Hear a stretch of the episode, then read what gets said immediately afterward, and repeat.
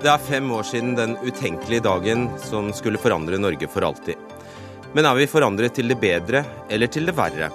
Har vi lettere eller vanskeligere for å forstå terrorens røtter enn før 22.07.2011? Og forstår vi hverandre noe bedre?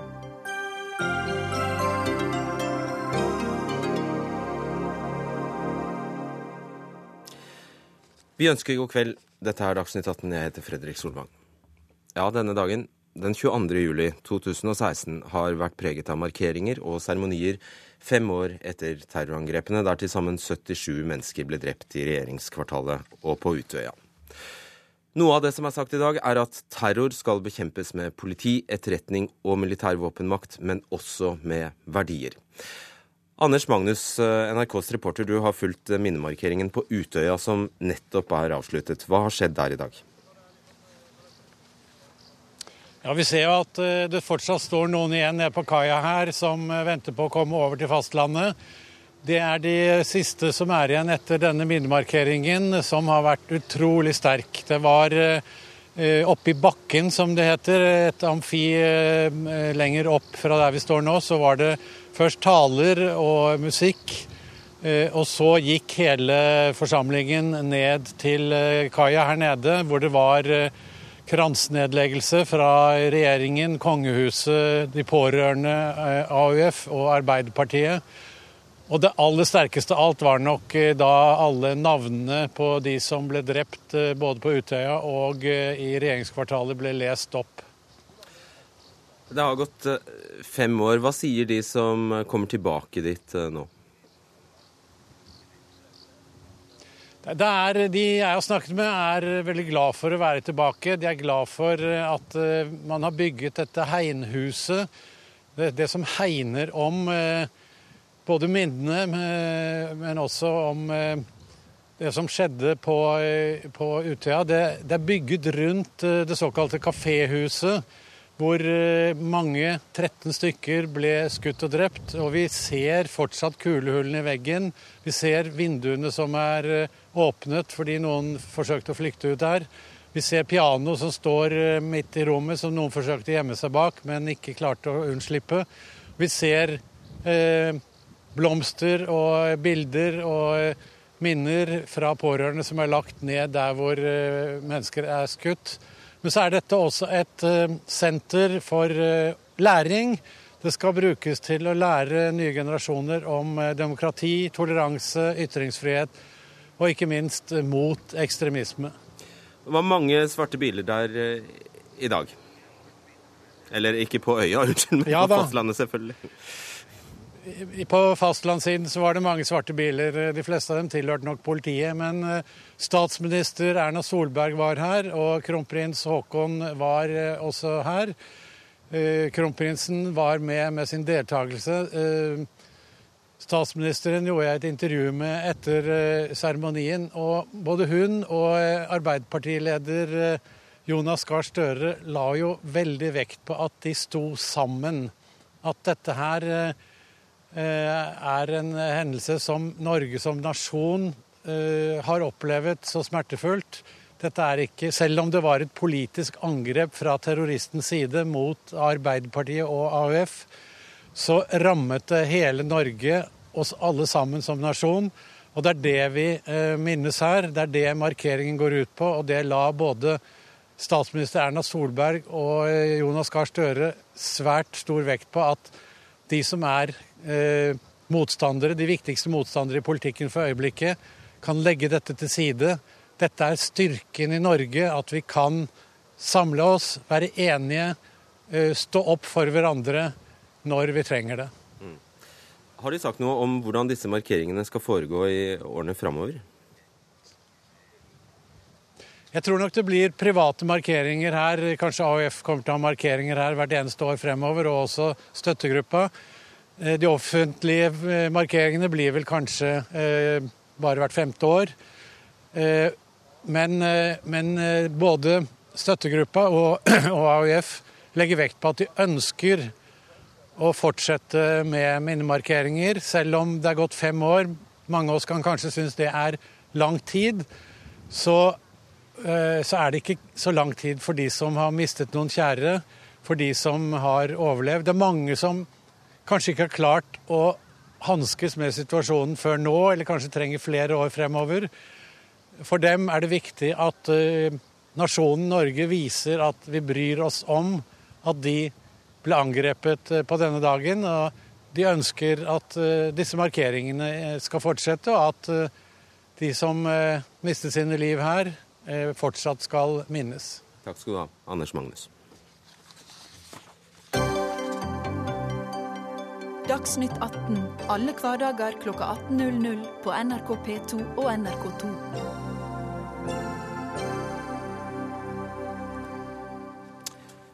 Fem år etter at eh, Breiviks manifest ble gjort kjent, og hans forkynnelse av eh, rasehat og islamfiendtlighet ble presentert i retten, er det flere som fortsatt stiller spørsmålet hvor mye av Breiviks tankegods finner gjenklang i deler av den norske befolkningen.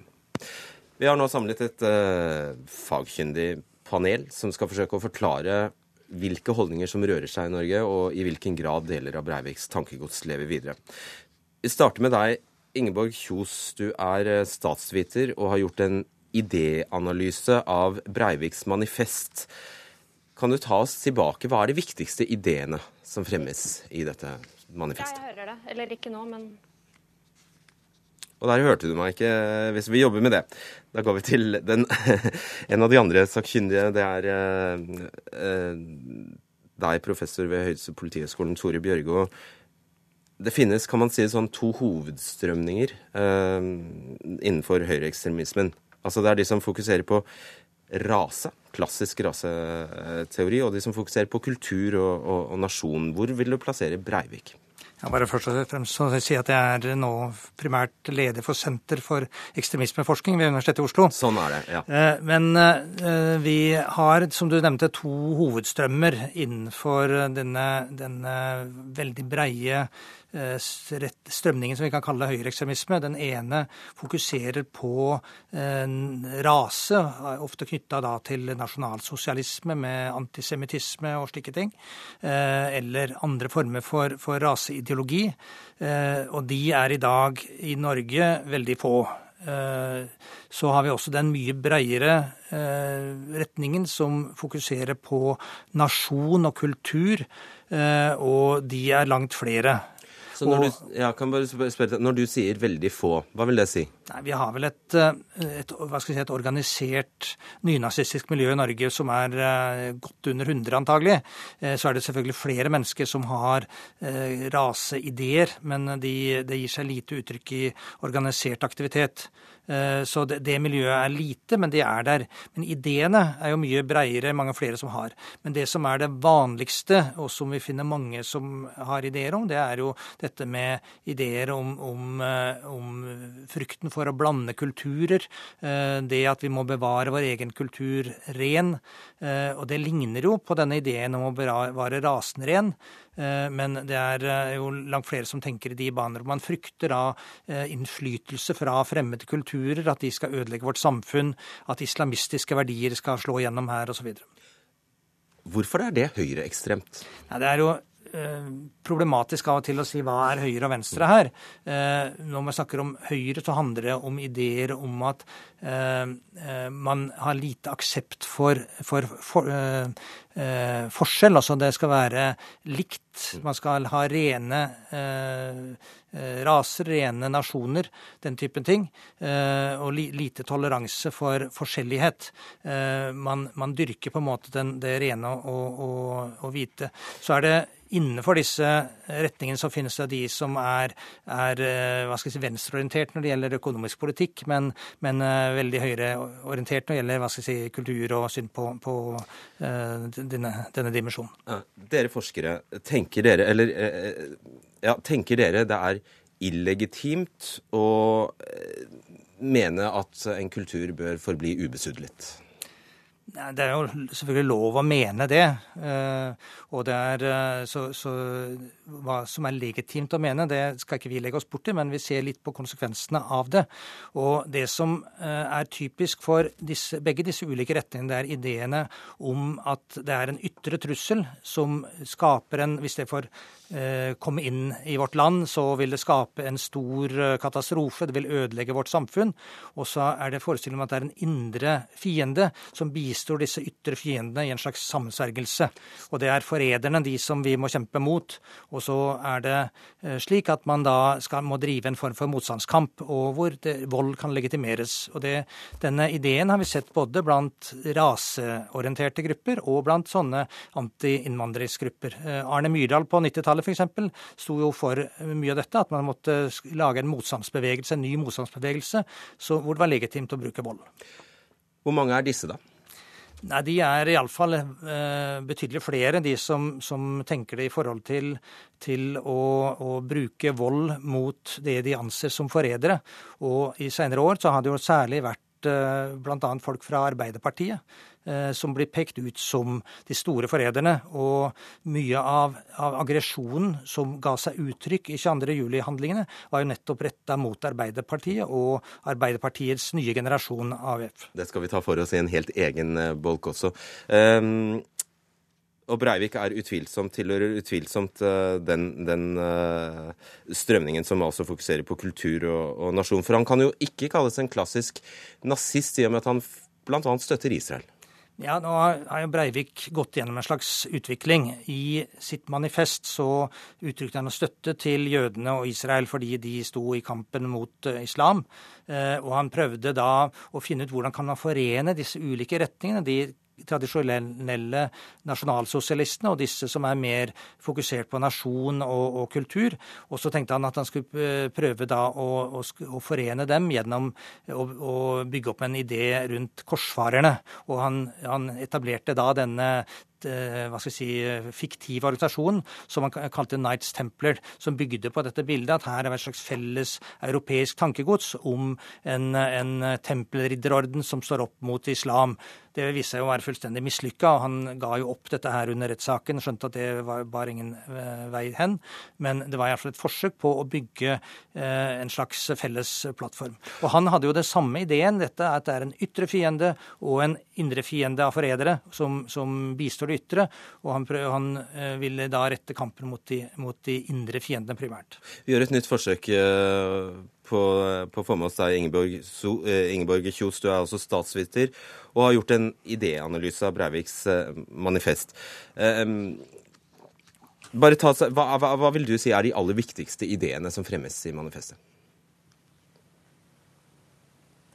Ja, Manifestet inneholder jo en fortelling både om historien og nåtida, hvor da eh, poenget er at eh, Europa er i ferd med å bukke under for islam og islamsk eller muslimsk innvandring. Eh, og at det da er våre politikere som har ønsket denne utviklingen. Eh, og de er derfor en del av fiendebildet, da, i likhet med media og ut og andre som støtter flerkultur. Eh, og de er da de som eh, ifølge Breivik må utslettes. Eh, og det bruker han ganske mange sider på å beskrive hvordan skal skje gjennom terrorangrep. Og I tillegg så vil han jo da forby islam og deportere muslimer. Er han i det hele tatt opptatt av rase? Han skriver litt om rase, og skriver bl.a. at hans eh, egen gentype, det er vel det han kaller det, er utrydningstrua. Altså at hvite europeere, som han skriver om, eh, er i ferd med å bli utrydda som følge av innvandring. Men eh, rase er ganske underordna i forhold til religion da, i hans manifest. Eh, så er det sterkt fokus på religion og islam, og det er det som er eh, i sentrum. Eh, kan man bortsett fra de Men, noe si andre Begge deler er en form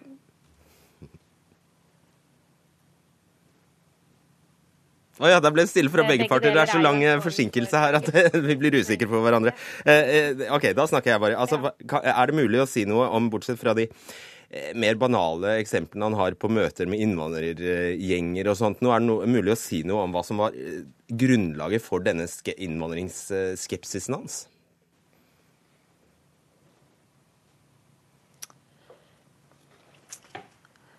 Uh, nei, altså han har jo stort sett blitt radikalisert via inter internett, har jeg inntrykk av. av å lese fra andre kontrajihadister, eller anti-islamske skribenter på nettet. så har han nok fått Ja, det har appellert til han, og det er jo en ideologi som kanskje han føler at han har fått utløp for noen psykologiske behov innafor, sånn som tilhørighet og noen å hate. Og det er også en måte å legitimere vold på. Vi har også med oss eh, deg, forskningsleder ved Fafo, Jon Rokstad. Du har forsket på integrering og holdning til eh, minoriteter. Er det mulig å si, hvilke, Har vi sett noen tydelige holdningsendringer i den norske befolkningen etter 22.07.2011? 2011? Det har jo vært en, en, endring, men hvor mye som er knyttet til akkurat hendelsene i 2011, det er jo vanskelig å si. Eh, jeg tror den viktigste endringen er en, eh, noe mer nyansering. Eh, og det viktigste skillet er da kanskje at folk skiller klarere mellom radikal islam og islam. Altså en muslim er ikke en muslim. Og det tenker jeg det er der også noe av håpet ligger, og framtidsmuligheten. For hendelsene 22.07.2011 eh, var et angrep på det politiske Norge. Det var et angrep på minoriteter så vel som majoritet. Og jeg tror det at vi har fått et noe mer nyansert syn, det legger grunnlaget for en mer eh, inkluderende eh, holdning framover. Og samtidig som det er jo selvsagt akkurat det som også skaper noe av dilemmaet for hvordan skal samfunnet både være inkluderende og eh, praktisere en form for religionsfrihet, samtidig som når forskjellene blir altfor store, og man opplever dem som altfor store, så skaper det en frykt og en trussel for noe annerledes. Og dette som Tore Bjørge var innpå med eh, at det blir en ytre, ytre trussel. Og eh, det er eh, et situasjon nå hvor nok mange opplever at de går i en type alarmberedskap. De er frykter for hva som kan skje, og den frykten er for mange knyttet til islam. Og så vet man at det er mer knyttet til radikal islam, men det er vanskelig for folk å kunne skille dette i det daglige livet sitt. Har det da blitt enklere eller vanskeligere å være kritisk til innvandring i Norge? Det har blitt både enklere og vanskeligere, fordi fløyene har blitt klarere.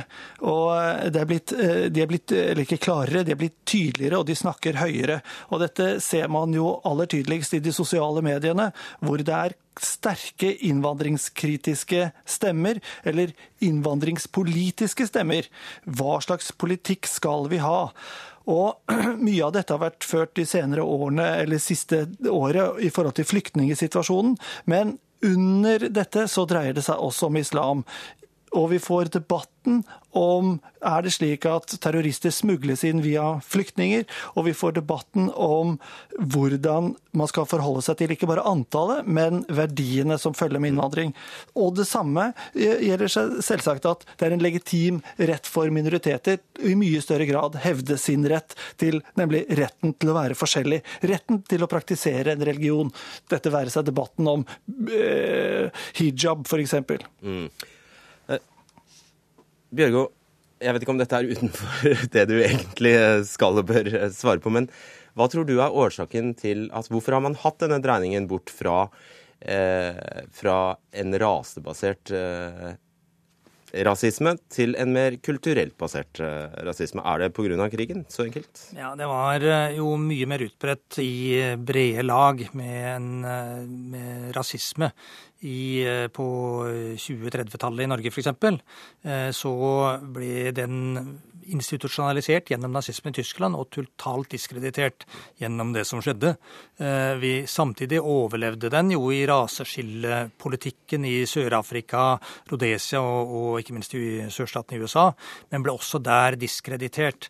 Og slik sett så er det lite stuereint, eh, nesten i alle i nesten alle lag og, og slutte seg til sånn tankegods. Mens derimot er det mer legitimt å, å, snakke om kultur og religion og den type ting.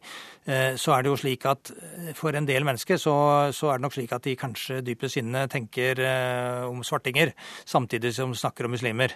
Altså det er, det er det, det, Man kan skjule en del holdninger under et annet ferniss.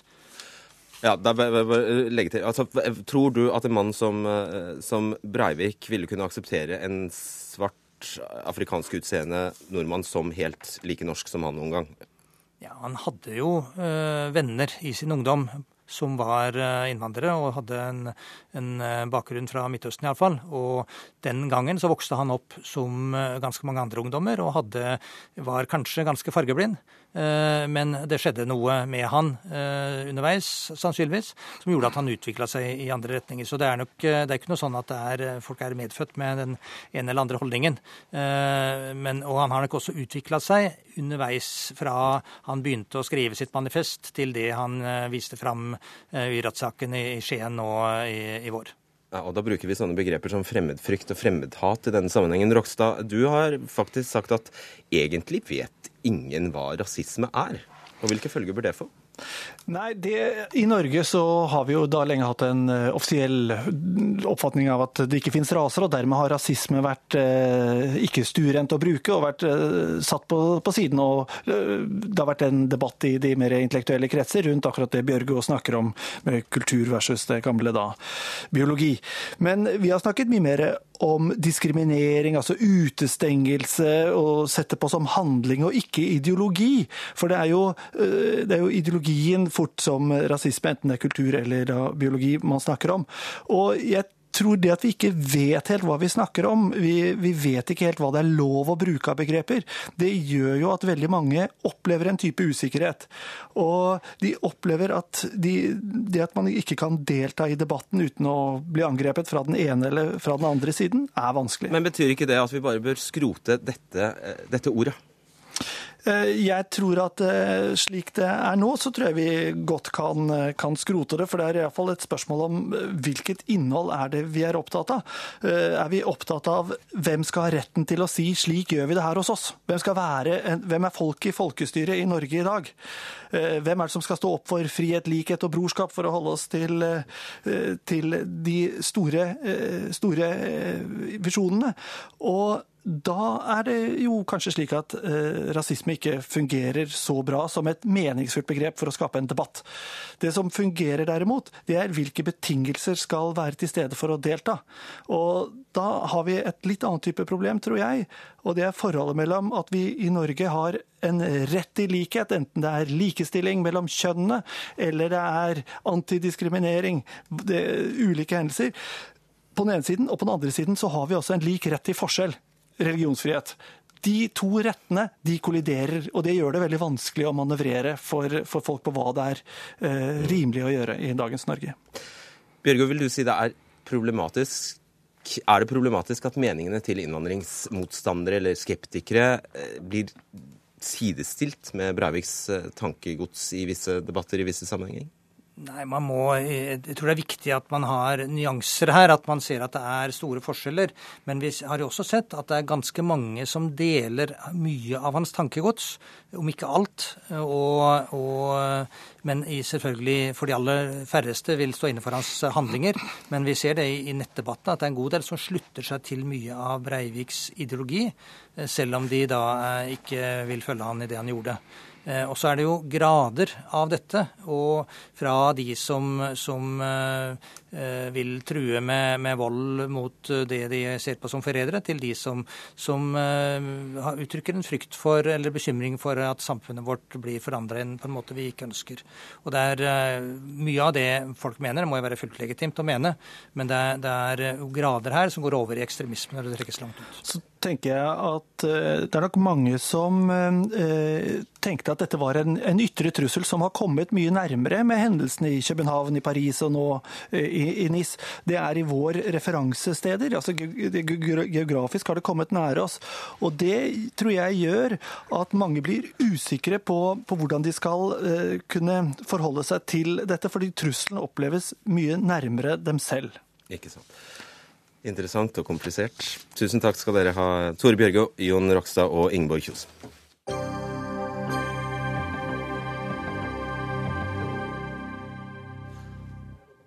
Så hvordan har 22.07 påvirket den offentlige samtalen og debatten? Vi vet jo selvfølgelig ikke hvordan eh, vi hadde snakket sammen om Anders Behring Breivik ikke hadde begått sin udåd. Men vi kan forsøke å finne svar på om 22.07 i det store og hele førte til en mer eller mindre konstruktiv samtale. Og nå har vi besøk av to eh, som har skrevet hver sin tekst i anledning eh, femårsmarkeringen. Det er deg, Hans Rustad, redaktør i Dokument.no, og så er det deg, Liv Tørres, direktør ved Nobels fredssenter. Start med deg, Hans Rustad. Du skriver at ved hver årsdag for 22.07 har vi hørt klager over at det ikke er tatt noe oppgjør med ideologien bak, og at dette presenteres som en moralsk svikt det ennå ikke er for sent å rette opp i. Hva mener du med det? Eh, jo, jeg kjenner meg ikke igjen i denne fremstillingen i det hele tatt. At vi ikke har tatt noe oppgjør med ideologien. Vi har jo ikke gjort det annet siden 22.07. Eh, det begynte allerede med natten til lørdag 23. Og har fortsatt siden. Så det at man sier eh, ved, hver, eh, ved hvert 22. Eh, juli at man ikke har tatt oppgjør, lyder i mine ører som at man ikke har nådd frem. Og da må man etter min mening heller spørre seg selv hvorfor har man ikke nådd frem. Jeg tror jeg våger å bruke deg som eksempel på det Rustad snakker om, eh, Liv Tørres. For du skriver vi må anerkjenne at angrepet den 22.07 var et politisk angrep, og at faresignalene er der for fremtiden. Underforstått at vi ikke har anerkjent det til nå. Og det er jo akkurat det Rustad sier at jo, det er det vi gjør hvert bidige år. Og hele tiden. Ja, det er jeg ikke, det er jeg ikke enig i.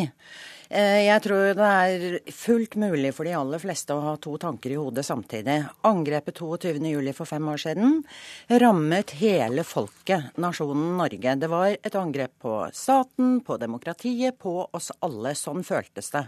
Men det var i høyeste grad også et angrep på Arbeiderpartiet, arbeiderbevegelsen. Det var et politisk angrep begrunnet med en politisk ideologi. Mener du Og, at noen ikke har fått med seg det? Jeg mener at vi har i fem år snakket om dette litt for mye som om det var nesten en naturkatastrofe. Og det å anerkjenne at det var et politisk angrep, krever også en rekke politiske tiltak. Som, som jeg ikke er enig med Rustad i at vi på en måte har, har, har tatt, har gjort, har ja, ja, da, du, du, hevder faktisk Rustad, at 22.07 blir brukt politisk, og at 22.07 blir koblet opp til de store konfliktene i vår tid, som f.eks. flyktningkrisen. Kan du utdype det? Ja, jeg mener at uh, det er begått en at det var et stort feilgrep å gjøre 22.07 til uh, en del av den klassiske høyre-venstre-aksen, fordi vi nå har helt nye problemer i Europa, eksemplifisert ved siste, de siste terrorangrepene. Og det, det låser jo de som vil beholde venstre- og høyreaksen fast i en allianse hvor de, hvor de, må redusere eller bagatellisere de islamske, islamistiske angrepene. Og det er meget uheldig. Jeg mener at den eh, avdabbing da, som de mener å registrere når det gjelder eh, oppslutningen eller minnet om 22., er et resultat av deres egen politikk ved denne feilkoblingen. Og vi har koblet det til store, de store men, konfliktene. Men mm. Russland, det er jo ikke noe tvil om at dette var et høyreekstremistisk angrep. Og det er heller ingen tvil om at det er mange i dette landet som ser at ekstremistiske grupper på ulike fløyer på en måte vokser på hverandre.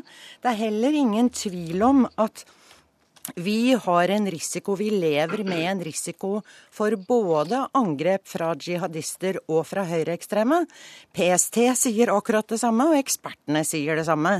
Kommentaren din om at vi bruker 22.07 politisk, den er altså så til de grader over alle støvleskaft og totalt uakseptabel, så den har jeg ikke tenkt å kommentere eller svare på engang. Jeg vil gjerne at du også konkretiserer den, fordi det er litt vanskelig når du beveger deg på så eller så, så, så akademisk plan, Rustad, å, få grep om hva du faktisk mener med det at 22.07 er blitt brukt. Gi et eksempel på det, er du snill. Jo, men det er jo det Liv, Liv Tørres gjør det jo i sin artikkel. Eh, jeg ser altså Stian Bromark har gjort det i Dagsavisen. Eh, du, hvis du tar debatten i, i, i Sverige med sånn som Henrik Arnstad.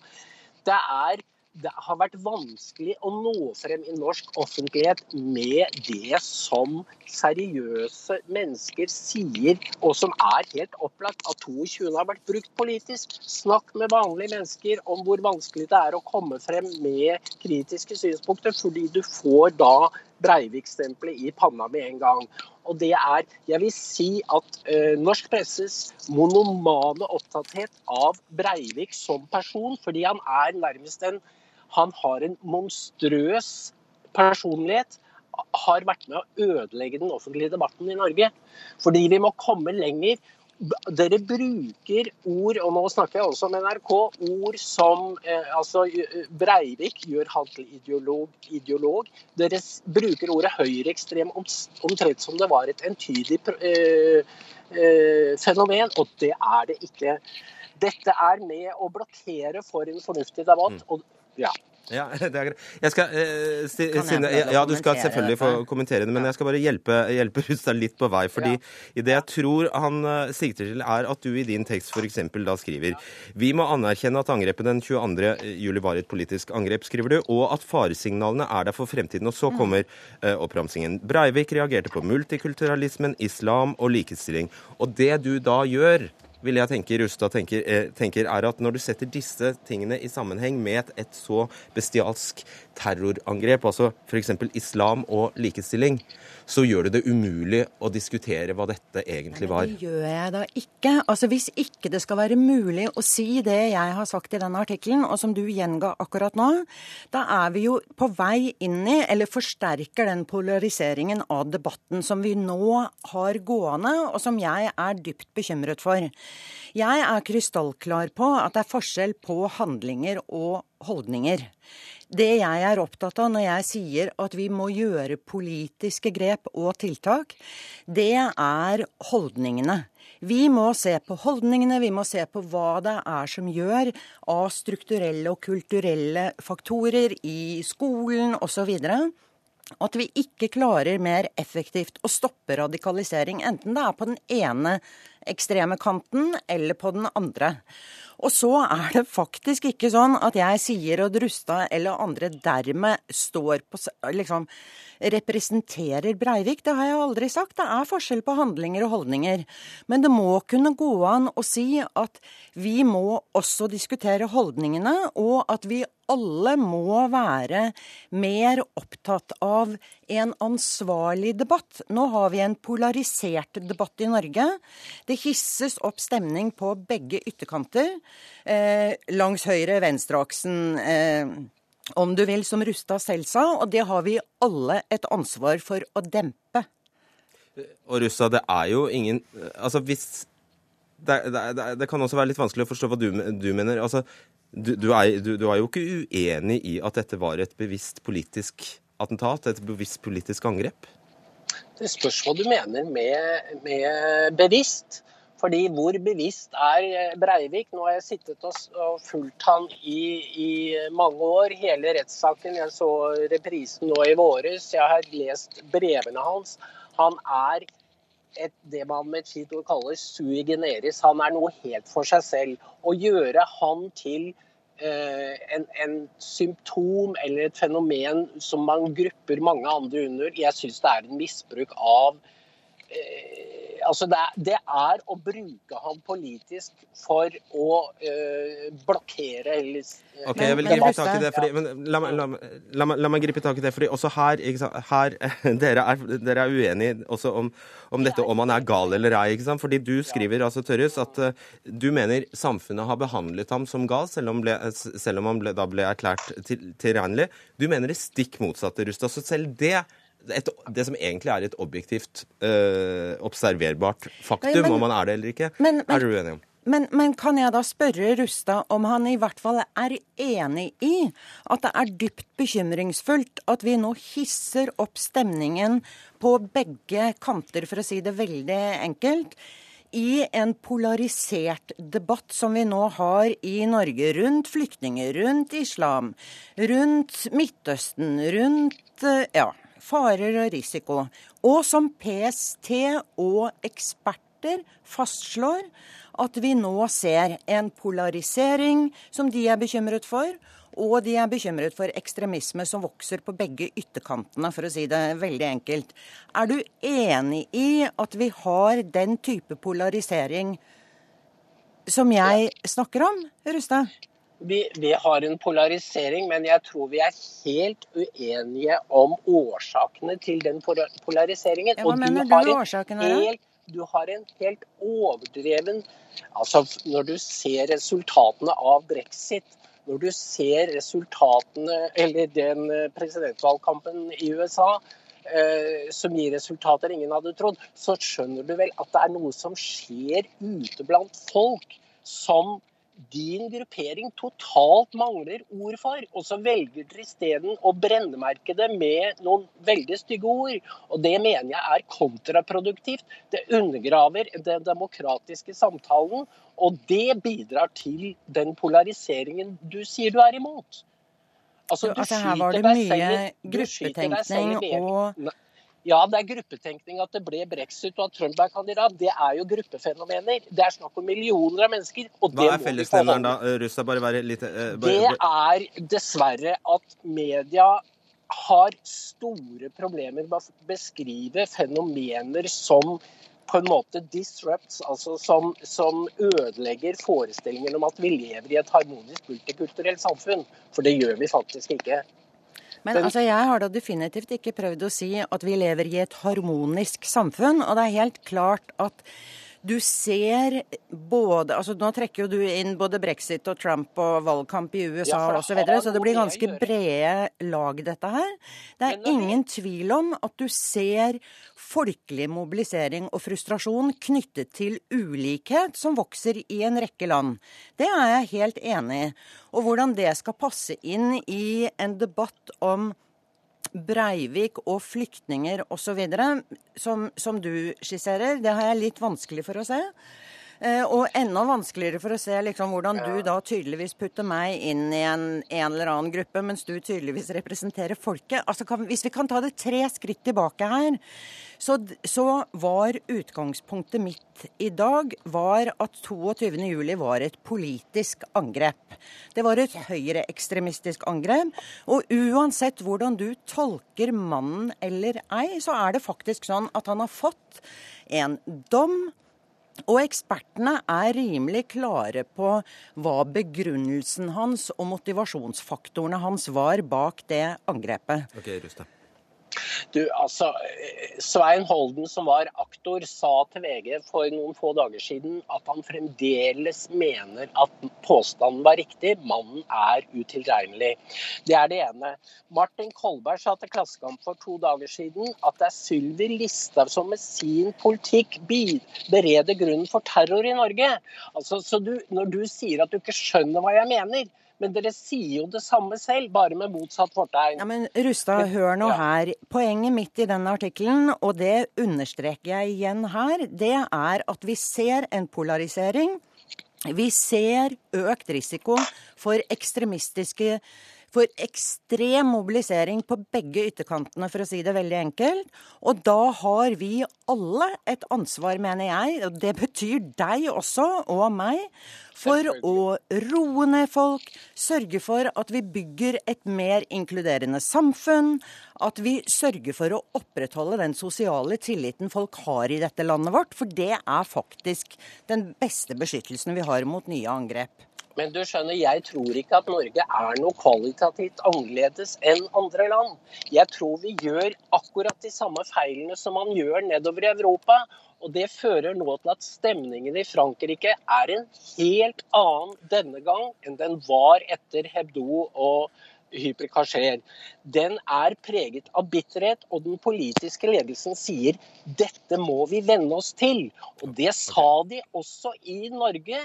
Eh, PST sa det, vi må venne oss til det. Og det syns jeg altså Hvis du snakker om polarisering, så men, men kjære Rustad, vi lever i en verden hvor det er økt polarisering og økt risiko for angrep. Da må du og jeg ta et ansvar for å bidra til å roe det ned. Sorry, Fredrik, men det måtte jeg bare si. det er greit, men nå må jeg roe ned denne debatten. Takk skal dere ha, Liv Tørres og Hans Rustad.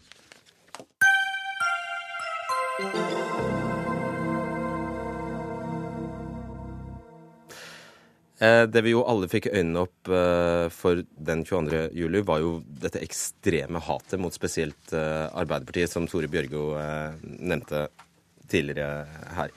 Dette er jo et fenomen, og nå selv fem år etter, uten å ha vært i regjering på flere år, så lever altså denne voldsomme bebreidelsen av Arbeiderpartiet i beste velgående. Det hevder iallfall du, Jon Færseth, forfatter som har skrevet boka 'Konspira Norge'. Uh, nettopp om konspirasjonsteorier i Norge, hvor du bl.a. ser på hatet og konspirasjonsteoriene mot landets største parti. Hva er, hva er rota til dette hatet? Altså, Dette er nok mange ting. Det ligger nok delvis i det at Arbeiderpartiet har sittet med makt i lengre tid enn noen annet norsk parti. Det er det største partiet.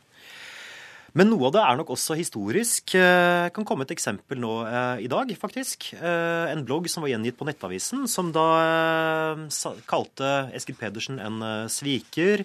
Snakket om hvordan Stoltenberg hadde unnlatt å følge opp spor i forkant av 22. juli, osv. Og, og basically på mange måter kobla det moderne Arbeiderpartiet direkte opp mot ting som har blitt sagt egentlig nesten siden uh, krigstiden, altså nemlig at de er landssvikere. Men så er det noe som er forholdsvis fascinerende. Det er at uh, dette, dette, hatet det hopper over alle de andre partiene og faller ned, rammer f.eks. barnevernet.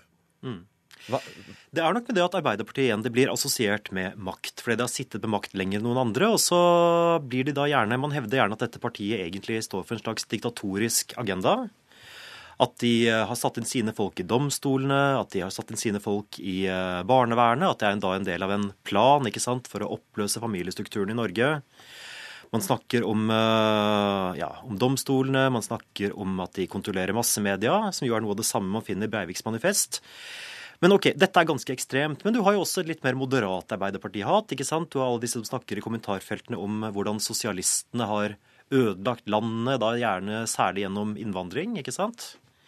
Så det er et ganske stor hatskultur her, og det ser ut til å være en understrømning som går ganske mange tiår tilbake i Norge. Hjelper det at de ikke har regjert landet på noen år? Nei, jeg har ikke sett noe særlig til det, altså. Jeg syns det er uh, Ting er omtrent tilbake der det var for ja, fem år siden nå, jeg. Yes. Hvem er de? Altså, Dette her er ikke et miljø i den forstand. Det er en slags idéstrømning som du ser dukke opp mange steder, eh, ikke minst på nettet. og ja, du hadde jo f.eks. en eh, Frp-politiker nå for eh, et par år siden som gikk ut og kalte Arbeiderpartiet og Jens Stoltenberg for forrædere. Ble konfrontert med og sa at ja, men sånn som de har behandla det norske folk med, i forhold til sykehjem og sånt, så er det jo forræderi mot Det er et ganske sterkt uttrykk, ikke sant. Man oppfatter de på en måte som å være unasjonale, som jobber på for andre mer internasjonale interesser bak ryggen på det norske folket. Det er noe som ofte går igjen. Mm. Kamzy Gunnanaratnan, du er varaordfører i eh, Oslo fra Arbeiderpartiet, var på Utøya i 2011. Eh, Bare hvis du er snill, kjapt, hva, hva skjedde? Eh, det som skjedde, var at jeg satt i sentralstyret da. Og da vi fikk høre om bomben i Oslo, så måtte jo Jeg hadde akkurat gått av som leder av AUF i Oslo. Så var jo alle kidsa fra Oslo kjempebekymra for at deres foreldre hadde vært rammet av denne gasseksplosjonen. For det var jo selvfølgelig ikke en bombe før mye senere. og etter å ha liksom kartlagt dette, så begynner jo skytinga. Og vi løper, vi løper, og vi gjemmer oss. Eh, og vi svømmer, legger på svøm. Eh, blir eh, først kasta livbøyler etter, som vi flyter på, og deretter plukket opp av en båt. Jeg kommer, er blant de første som kommer til Sundvolden hotell, så blir da stående der og se den ene etter den andre komme skrikende inn. Det føltes veldig feil å be deg fortelle raskt om det, men OK, nå har vi gjort det. Fordi jeg vil gjerne at du forteller litt om din opplevelse av dette hatet. Hvordan, merker, hvordan merker du det? Det er litt uh, forskjellige ting her. Det ene er at uh, unge jenter med minoritetsbakgrunn uh, er jo spesielt utsatt generelt. Det er vel dobbelt, trippelt til det. Ja. ja. Og så har du Arbeiderpartipolitikere, sosialdemokratiske politikere generelt i Europa, blir utsatt for mer hets, mer usaklig kritikk, hvis jeg kan si det på den måten, enn andre. Det merker vi f.eks. nå etter å ha kommet til makta på rådhuset i Oslo, at politisk debatt ofte, ofte medfører kritikk som ikke er saklige. ikke har eh, ikke, Det er ikke faglig begrunna, det, det, er ikke på eh, innhold, men mer og mer på personer. Har du blitt overrasket? Eh, jeg blir ikke overrasket lenger, men jeg merker jeg blir litt skuffa. Jeg merker jeg blir litt Jeg forventer at flere kommer på banen mot nettroll, mot usakligheten, men det tror jeg er noe vi må jobbe med framover. Og så har jeg lyst til å spørre deg, altså Du som en ung, eh, lovende kvinne med minoritetsbakgrunn, viktig innehav er nest varaordfører i eh, Oslo, steget raskt i gradene. Du, altså, du, er vel omtrent alt det Breivik eh, ikke, ikke, liker. Har du, vant du over han? Har du, har du sånne tanker? Det har aldri vært eh, mitt mål å vinne over han, men heller vinne over eh, hans meninger og hans meningsfeller. Eh, og jeg tenker at I en globalisert verden som Norge er en del av, så er det naturlig at flere og flere mennesker med mangfoldig bakgrunn kommer i sentrale roller. Det er den riktige utviklingen, en utvikling vi skal eh, bygge opp under. Eh, og det gleder jeg meg til å la han se framover. Ikke sant. Mm. Hva, når du ser rundt deg i politikken og i samfunnet, har, hva, har, hva, hva mener du 22.07 har eh, bidratt til? 22.07 eh, bidro til, eh, til, at veldig mange ungdom strømmet til mange politiske partier. Og der skal man jo presisere at det ikke var sånn at AUF plutselig blomstra opp med ekstremt mange medlemmer, men at vi har oppfostra såpass eh, fornuftige kids der ute som meldte seg inn i mange, mange ulike politiske partier. Det førte til at veldig mange tok til orde, veldig mange kom på rosetog, veldig mange posta hjerter på Facebook, eh, var til stede på de ulike markeringene. Men fem år etter så merker jeg at for hver eneste rose så skulle jeg gjerne hatt et politisk tiltak. Liv Tørres var her tidligere. Eh, det var et politisk angrep på AUF, Arbeiderpartiet og det norske demokratiet.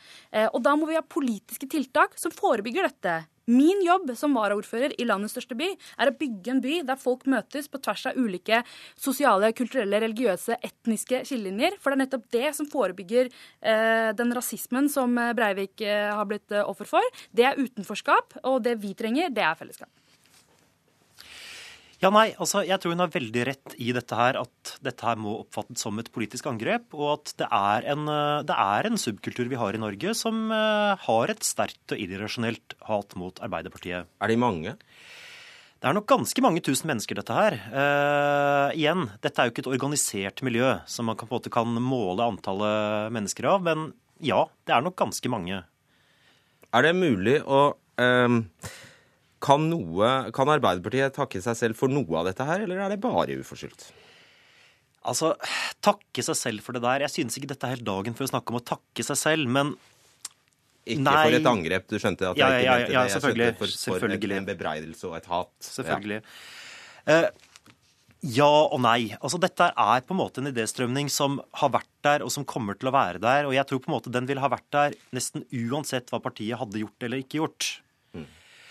Så uh, det er klart, dette handler jo litt om at dette er mennesker som på en eller annen måte føler at systemet har svikta dem, systemet motarbeider dem. Og så velger de å rette det hatet i retning av Arbeiderpartiet som et symbol for, for, det, for makten symbol for systemet. Og så er det klart at det ligger ganske mye rart på nettet som man da kan plukke opp. Det er en del miljøer som aktivt fisker litt blant mennesker som har uh, hatt denne typen opplevelser. Og da kan det ende opp der. Kommer de personlig Møter du sånne ansikt til ansikt noen gang? Nei, det meste har vært uh, på nett.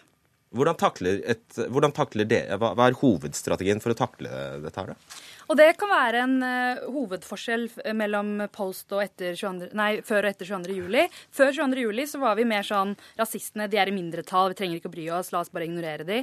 Men nå i mye større grad, jeg, mine venner, mine kolleger, melder oss inn i disse foraene og prøver, gitt vi har tid til det, uh, å diskutere med de. Og det er jo, som sagt, nevnt tidligere, at det blir mye usaklighet, og mindre og mindre vi får ut av det. Ok, tusen takk skal dere ha. Eh, Kamzy Gunnar Ratnan og Jon Færseth. Hør Dagsnytt 18 når du vil. Radio NRK Radio.nrk.no.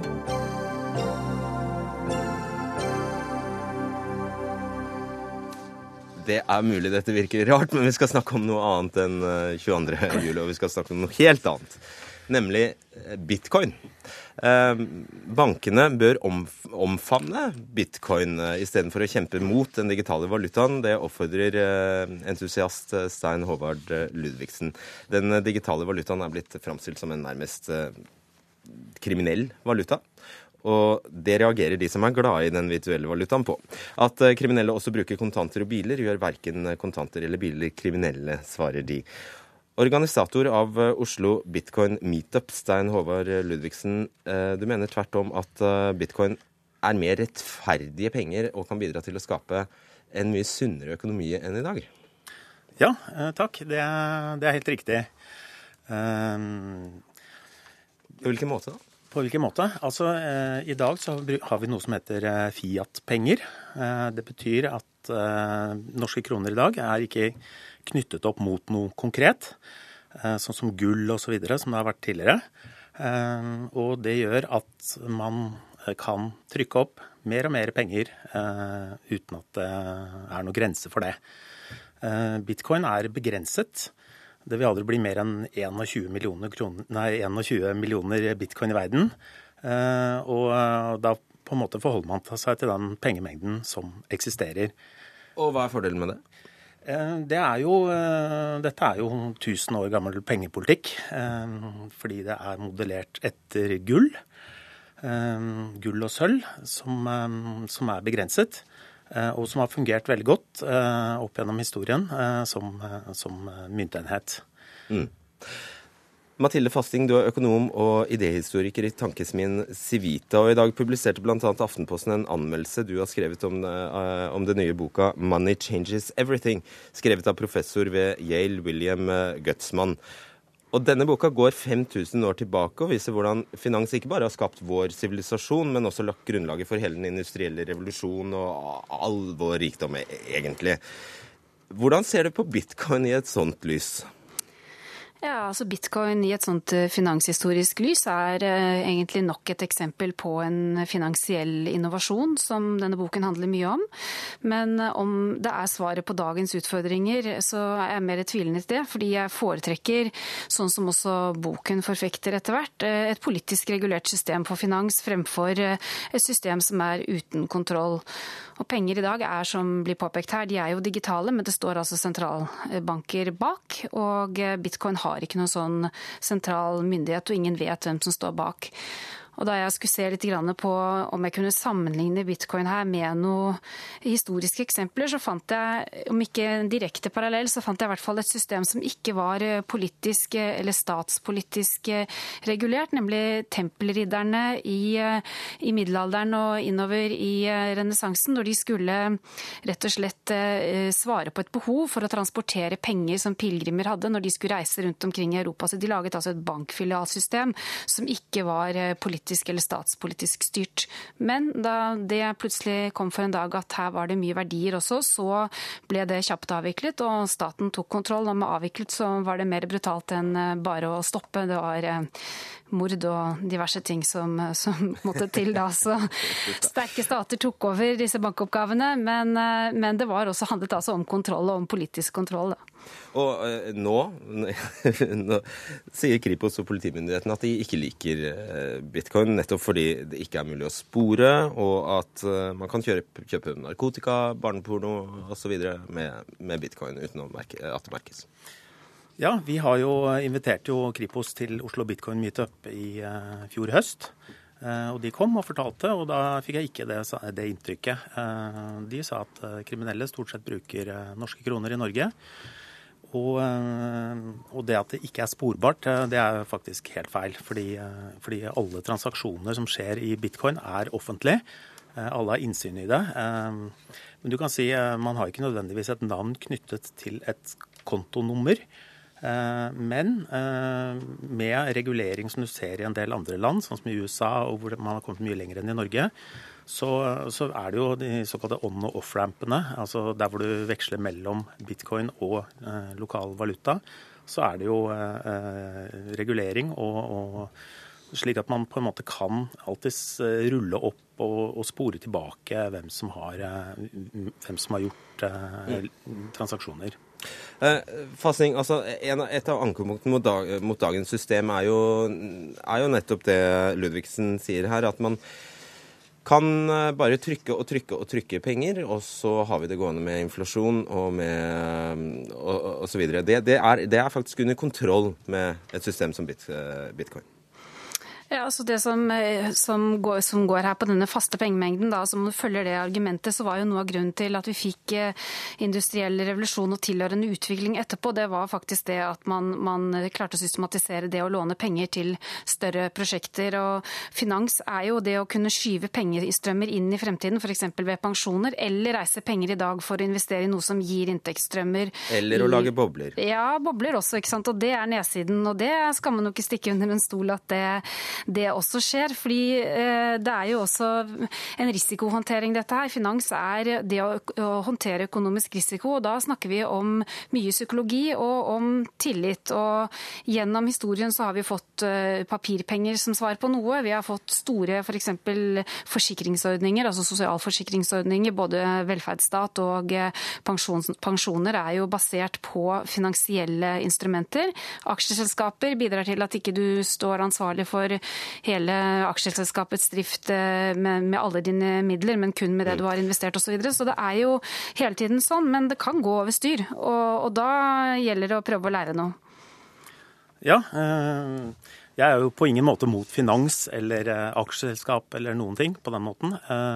Det jeg snakker om er helt konkret hva slags pengesystem vi skal bruke.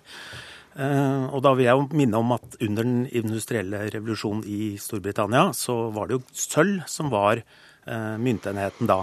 Og det som, ikke minst, det som var spesielt da, var at selv om samfunnet gjennomgikk en såpass stor revolusjon, så var f.eks. prisen på en pint med øl eh, den var ganske konstant gjennom hele den industrielle revolusjon. Det er en praktisk ting jeg lurer på. Ja. Altså, eh, Man kan jo se, se fordelene av at uh, bitcoin er en, er en, helt virtuell uh, valuta, og alt det man uh, da ikke utsetter seg for av risiko. Men hvis du er en fattig bondekone i Ghana og skal kjøpe et brød og får en bitcoin, så får du ikke hva skal, du, hva skal du gjøre for noe da? Da kan du bruke den til å handle med. Eh, det er nettopp det bitcoin, den jobben eh, mange mener at bitcoin kan gjøre, er å skaffe folk som i dag ikke har tilgang til banktjenester. Eh, mange milliarder mennesker i verden i dag som ikke har tilgang til banktjenester, eller som har veldig dårlig tilgang til banktjenester. Men samtidig så er jo sånn som mobiltelefonteknologi er jo spredd i Afrika, Asia og Sør-Amerika. Og bitcoin kan nettopp gi dem et, et pengesystem. Ok, Vil du si noe veldig raskt, Fassi?